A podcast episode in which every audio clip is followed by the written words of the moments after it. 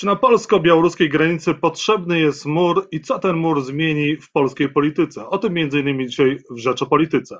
Jacek Nizinkiewicz, zapraszam. Profesor Antoni Dudek jest Państwa moim gościem. Dzień dobry, Panie Profesorze. Dzień dobry Panu, dzień dobry Państwu. Panie Profesorze, czy potrzebny jest mur na polsko-białoruskiej granicy?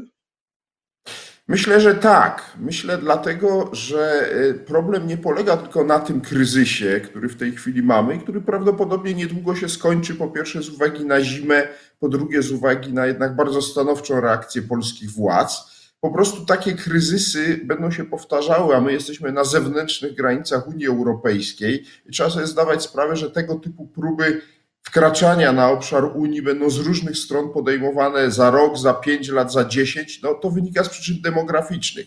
Przy czym mówiąc to, uważam równocześnie, że Unia Europejska powinna zacząć przemyślaną politykę migracyjną, wzorowaną na tej, którą robią Amerykanie, Kanadyjczycy czy Australijczycy. Myśmy po prostu, Europa starzejąca się, Europa potrzebuje przybyszów z innych krajów, gdzie ludzi jest więcej młodych zwłaszcza, natomiast no, nie może się to odbywać w sposób chaotyczny na zasadzie handlarzy ludźmi, którzy przemycają ludzi przez granicę, e, więc ten mur jest potrzebny.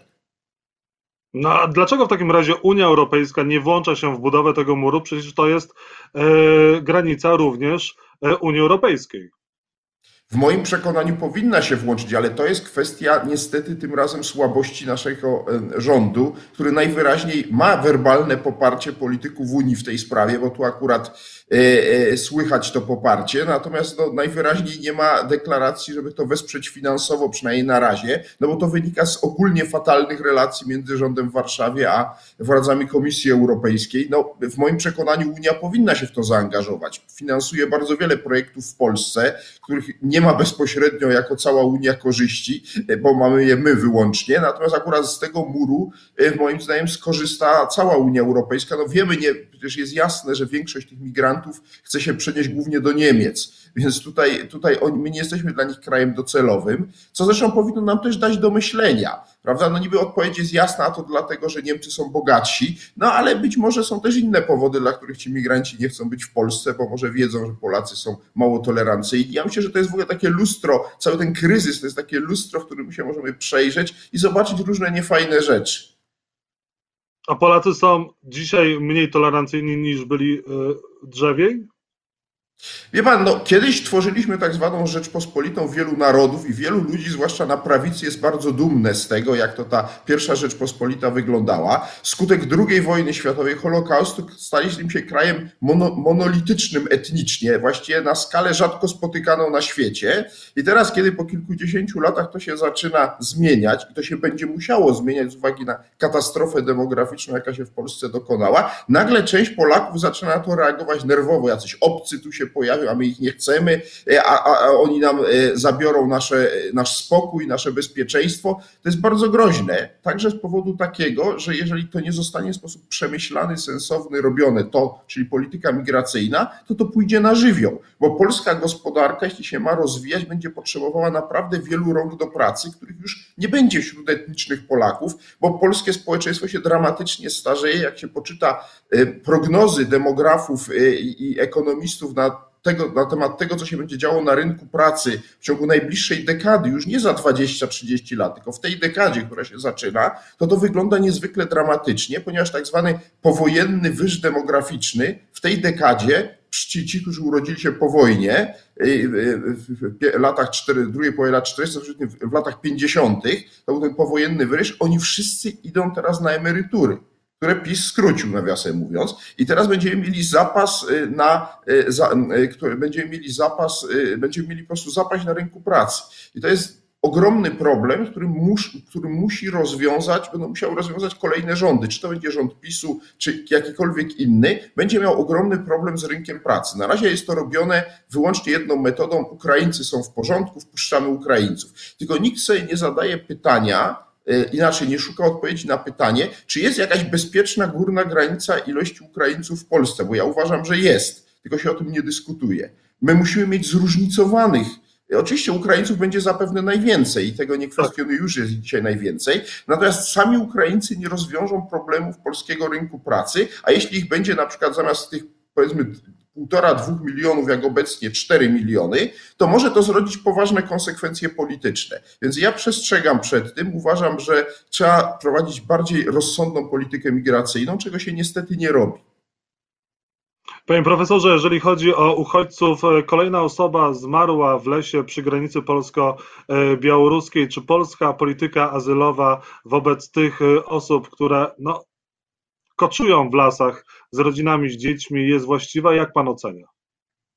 No ja mam krytyczny stosunek do tej polityki. Ja rozumiem tą twardość rządu, ale uważam, że e, tak jak nie można po prostu e, przyjmować wszystkich jak leci i, prawda, i tutaj wręcz ułatwiać im przejazdu do Niemiec, bo to de facto sparaliżowałoby relacje polsko-niemieckie. Tak, z drugiej strony no, uważam, że taka elementarna pomoc humanitarna powinna być tym ludziom udzielana e, i powinniśmy, e, najkrócej mówiąc, zwłaszcza kobietom i dzieciom, starać się po prostu pomóc. No, niestety to nie jest tak, jak twierdzi polski rząd, że ci migranci umierający gdzieś tam e, na lasach polsko, na granicy polsko-białoruskiej obciążają wyłącznie konto Łukaszenki. Oczywiście ja się zgodzę z polskimi władzami, one głównie obciążają e, konto Łukaszenki, ale obciążają też niestety nasze konto, e, bo to nie jest tak, jak się mówi, że polski rząd ma taką, taką narrację, że no gdyby to byli uchodźcy wojenni, no to oczywiście byśmy inaczej wobec nich postępowali, a że to są tylko migranci ekonomiczni, to możemy ich traktować gorzej.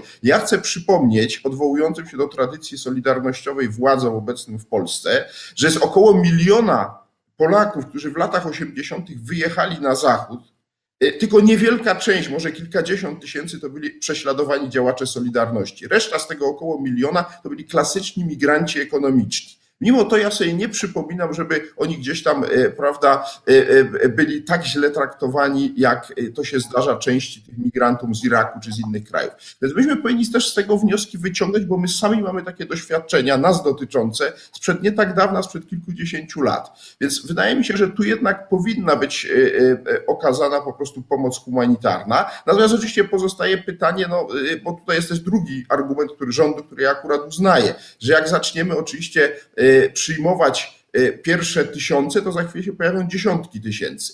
Y, I to jest prawda. Natomiast ja się pytam, czy podjęto kampanię informacyjną w Iraku na przykład, czy wynajęto tam odpowiednią firmę, która informuje, że to jest oszustwo, co robi Łukaszenka. Przecież to już trwa tyle tygodni. Ja nie wiem, czy coś takiego zrobiono, ale przecież można z grubsza się dowiedzieć, skąd ci migranci przybywają i wysłać tam, prawda, e, e, nie mówię, że naszych dyplomatów, ale wynająć po prostu miejscowe firmy, to naprawdę nie będzie tak dużo kosztowało i przeprowadzić kampanię informacyjną pod tytułem Łukaszenka was oszukuje i pozbawia was środków do życia, waszych oszczędności, jak chce was w przyszłości może i życia pozbawić, bo utkniecie gdzieś na tej granicy. Ja nic nie słyszę o podejmowaniu takiej kampanii informacyjnej.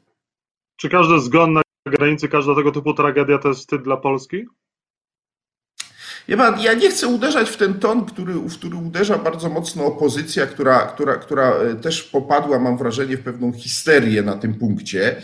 E, ja nie chcę, żeby to było tak, że, że no niestety ta sprawa stała się elementem walki politycznej w Polsce. E, ja bym wolał, żeby wokół tej sprawy panował jednak, e, mam wrażenie, że tutaj Litwini nam pokazali, że można osiągnąć pewien konsensus. Nie słyszałem, żeby na Litwie, która miała ten sam kryzys przecież w lipcu, apogeum było latem minionego roku, żeby był aż tak ostry spór wewnętrzny polityczny. Więc ja nie chcę tego podgrzewać. Mnie zależy na tym, żeby politycy w końcu zaczęli rozumieć, że w jakimś zakresie jadą w tej sprawie na wspólnym wózku. Jak to się wszystko wywróci, to, to nie tylko rząd, ale i opozycja może na tym stracić. Panie profesorze, dwa pytania na koniec.